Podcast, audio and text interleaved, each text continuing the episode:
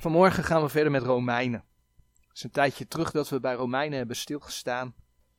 Maar de laatste keer dat we dat gedaan hebben, hebben we stilgestaan bij Romeinen 11, vers 25 en 26. En we hebben die keer gezien dat de Heer aan de gemeente een aantal verborgenheden openbaart.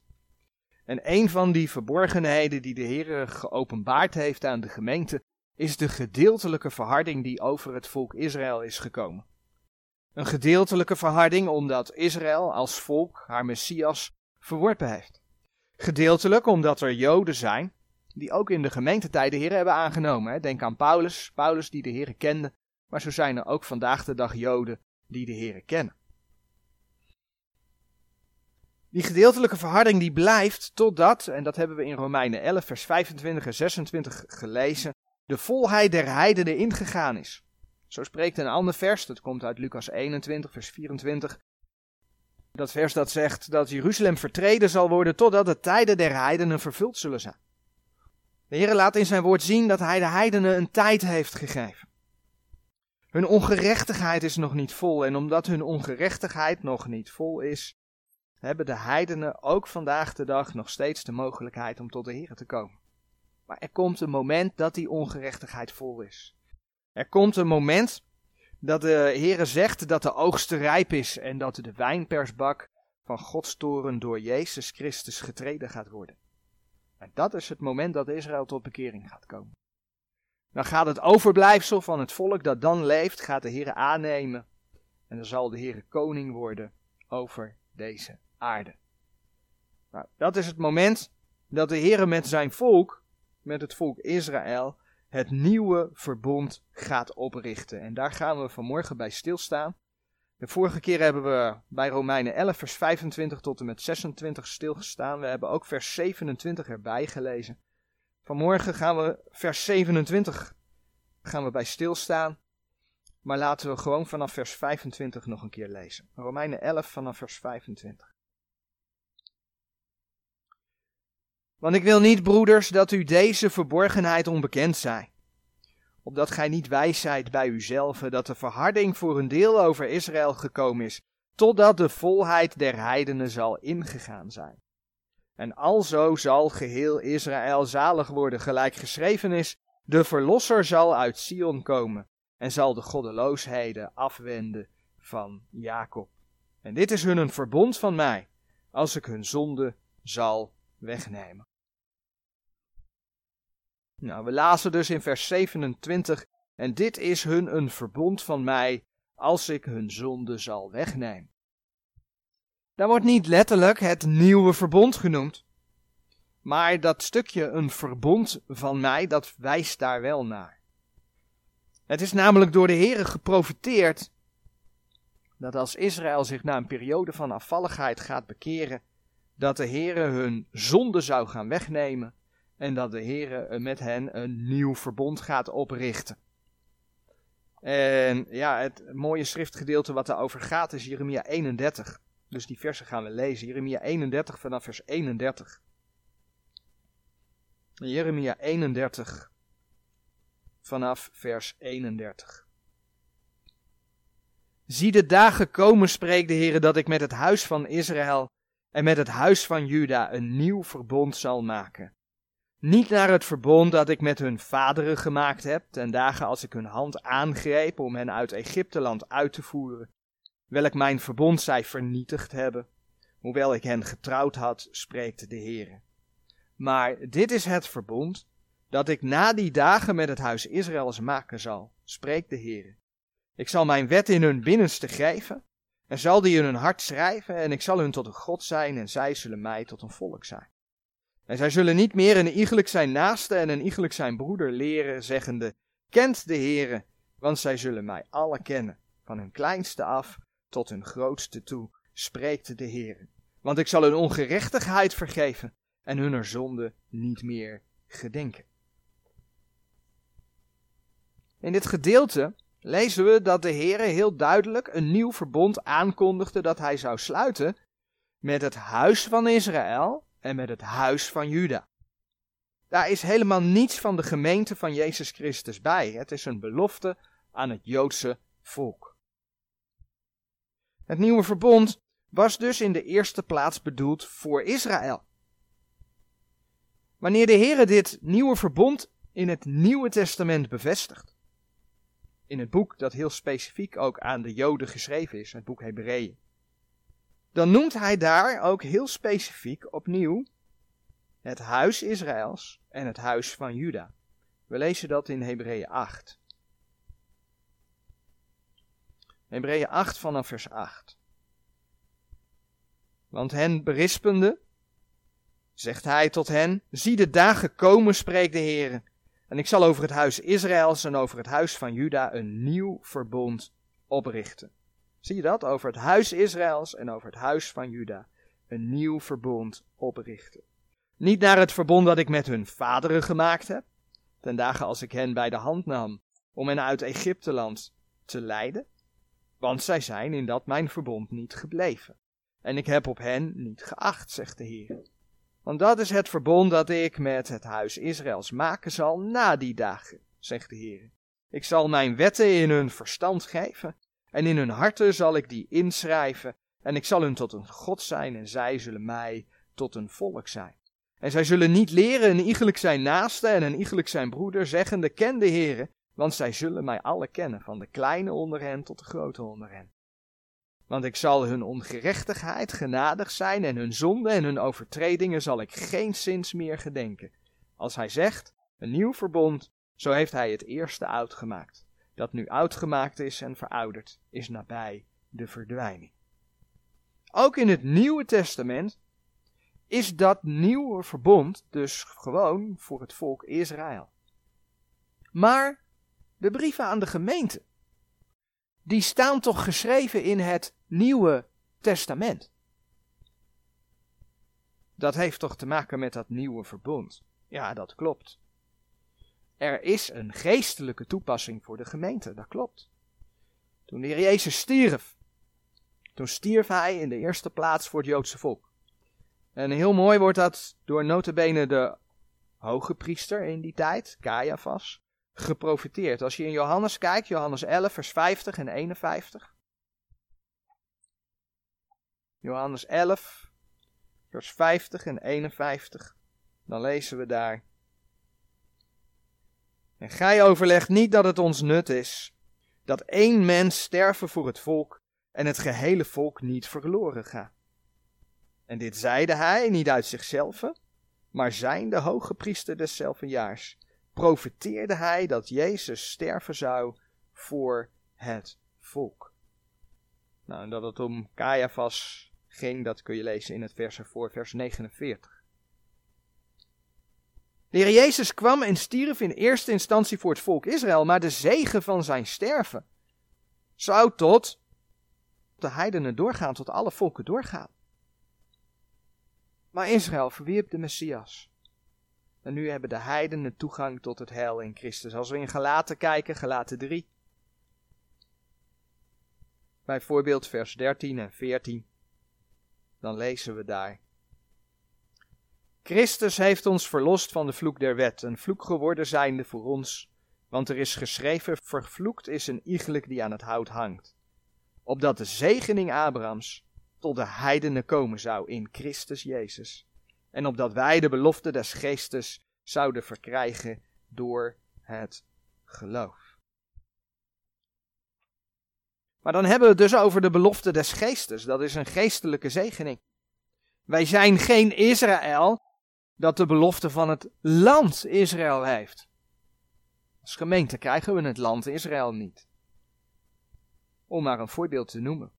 En de heidenen hebben geen belofte dat ze ooit in de toekomst eens als volk of als volken de Heeren zullen aannemen. Dat ze tot bekering gaan komen. Die belofte hebben de heidenen niet. Dat zijn verschillen. Nou, de geestelijke toepassing van het bloed van Christus in het Nieuwe Testament vinden we in Hebreeën 9. Hebreeën 9, vers 14 en 15. Hebreeën 9, vers 14 en 15.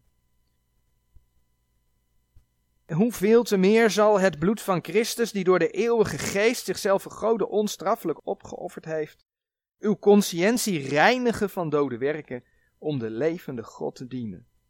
Daarom is hij de middelaar des Nieuwe Testaments. Dan lees je ook niet Nieuwe Verbond, maar dan lees je Nieuwe Testament. Daarom is hij de middelaar des Nieuwe Testaments, opdat de dood daartussen gekomen zijn, tot verzoening der overtredingen die onder het Eerste Testament waren. Degene die geroepen zijn, de beloftenis der eeuwige erven ontvangen zouden.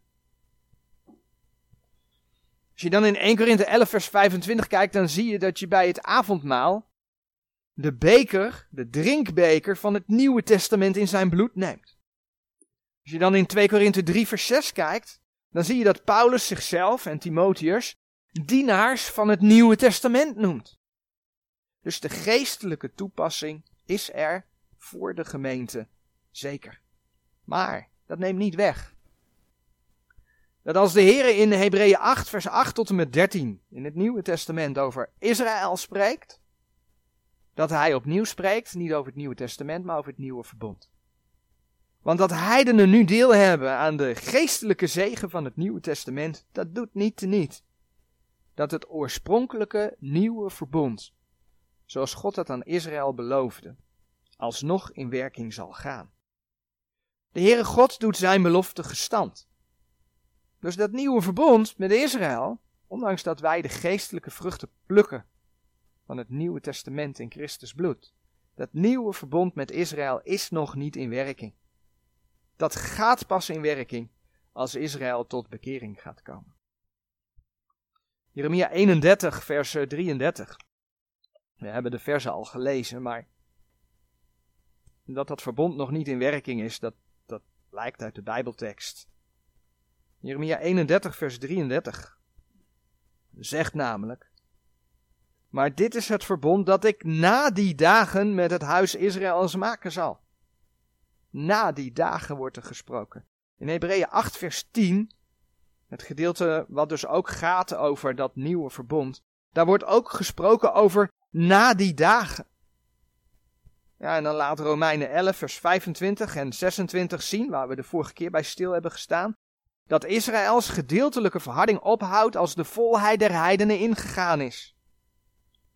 Want dan komt de Heer Jezus terug en dan komt Israël tot bekering. Dus na die dagen, ja, dat zal zijn aan het eind van de grote verdrukking. Dat zal zijn bij de start van het duizendjarig vrederijk. Want dan zullen de goddeloosheden van Jacob afgewend worden. En dan zal dat nieuwe verbond voor Israël in werking treden. Heel mooi blijkt dat ook uit de geschiedenis van Petrus, die uh, na een genezing een toespraak houdt in de tempel. Dat vinden we in Handelingen 3. Handelingen 3. En hij zegt daar in Handelingen 3 vanaf vers 18.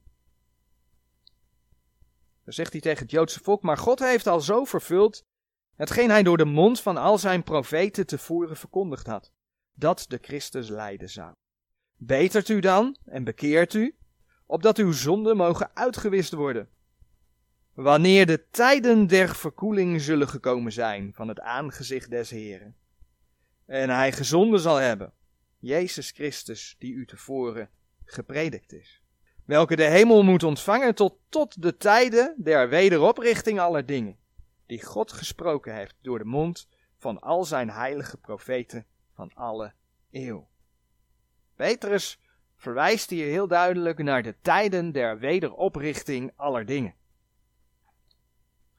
Dat is niet de gemeentetijd. Dat is het begin van het duizendjarig vrederijk. Als Israël tot bekering is gekomen, als, God Israël, als de Heere Israël gaat herstellen. Dan wordt Israël hersteld omdat het haar Messias heeft aangenomen. Nou, in het Oude Testament kun je daar heel veel tekst over vinden. Jezaja 44 vers 22, Micha 7 vers 18, Zacharia 3 vers 9, Joel 2 vers 23 tot en met 32. Daar zijn zoveel profetieën over gedaan. als je dan gaat kijken naar dat nieuwe verbond, hoe dat van toepassing is in het Nieuwe Testament voor de gemeente en het nieuwe verbond voor Israël, dan zie je ook heel duidelijk verschillen. Ik heb al wat verschillen genoemd, maar er zijn er nog een paar. De gelovigen in Christus, dan bladeren we naar Colossense 1, Colossense 1 vers 14. De gelovige in Christus ontvangt vandaag de dag direct vergeving van zonde op grond van het vergoten bloed van de Heer Jezus. In Colossense 1, vers 14, daar lezen we. In den welke wij de verlossing hebben door zijn bloed, namelijk de vergeving der zonde. De gelovige heeft verlossing door de vergeving van zonde. Dus als jij tot geloof komt, ontvang je vergeving. Dat is gewoon een feit. De gelovige heeft dat. Daar hoeft de gelovige niet op te wachten. En dat geldt voor iedere individuele gelovige uit de heidenen, maar zelfs dus voor de Joden. Als een Jood zich bekeert tot Christus, ontvangt hij vergeving van zonde. Wordt hij deel van de gemeente. Dat, dat maakt allemaal niet uit. Maar Israëls vergeving als natie, als volk, wacht tot de dagen der wederoprichting. Want dan zal de Heer hun zonde wegnemen, zegt ook Romeinen 11, vers 27.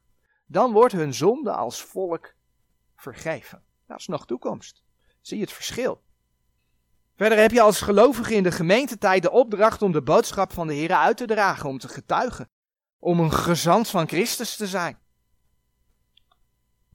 De opdracht die de Heer in Handelingen 1, vers 8 aan de apostelen gaf, aan het begin zeg maar van de gemeentetijd. Handelingen 1, vers 8 luidde. Maar gij zult ontvangen de kracht des Heilige Geestes die over u komen zal. En gij zult mijn getuige zijn, zo te Jeruzalem als in geheel Judea en Samaria en tot aan het uiterste der aarde. Dus na Pinksteren, in de gemeentetijd, kon er getuigd worden. En hoe staat dat in schril contrast met het moment dat het nieuwe verbond voor Israël ingaat? Bladeren we opnieuw terug naar Jeremia 31. Want als dat verbond voor Israël ingaat, dat nieuwe verbond ingaat, dan staat er in Jeremia 31, vers 34 het volgende. En zij zullen niet meer een iegelijk zijn naaste en een iegelijk zijn broeder leren, zeggende ken de Heere, want zij zullen mij alle kennen. Van hun kleinste af tot hun grootste toe spreekt de Heere. Want ik zal hun ongerechtigheden vergeven en hun zonde niet meer gedenken. Er hoeft niet meer getuigd te worden. Want elke Jood zal de Heer kennen, dat laat zijn woord zien. Van klein tot groot. En sterker nog, als je naar Zacharia 13 kijkt, als men wel gaat leren, als men wel gaat getuigen in die tijd, staat er de doodstraf op. Zacharia 13 vers 3.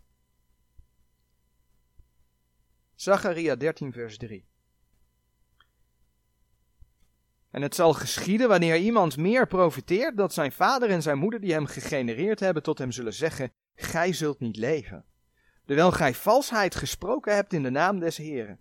En zijn vader en zijn moeder die hem gegenereerd hebben, zullen hem doorsteken wanneer hij profiteert. Dat zijn harde woorden.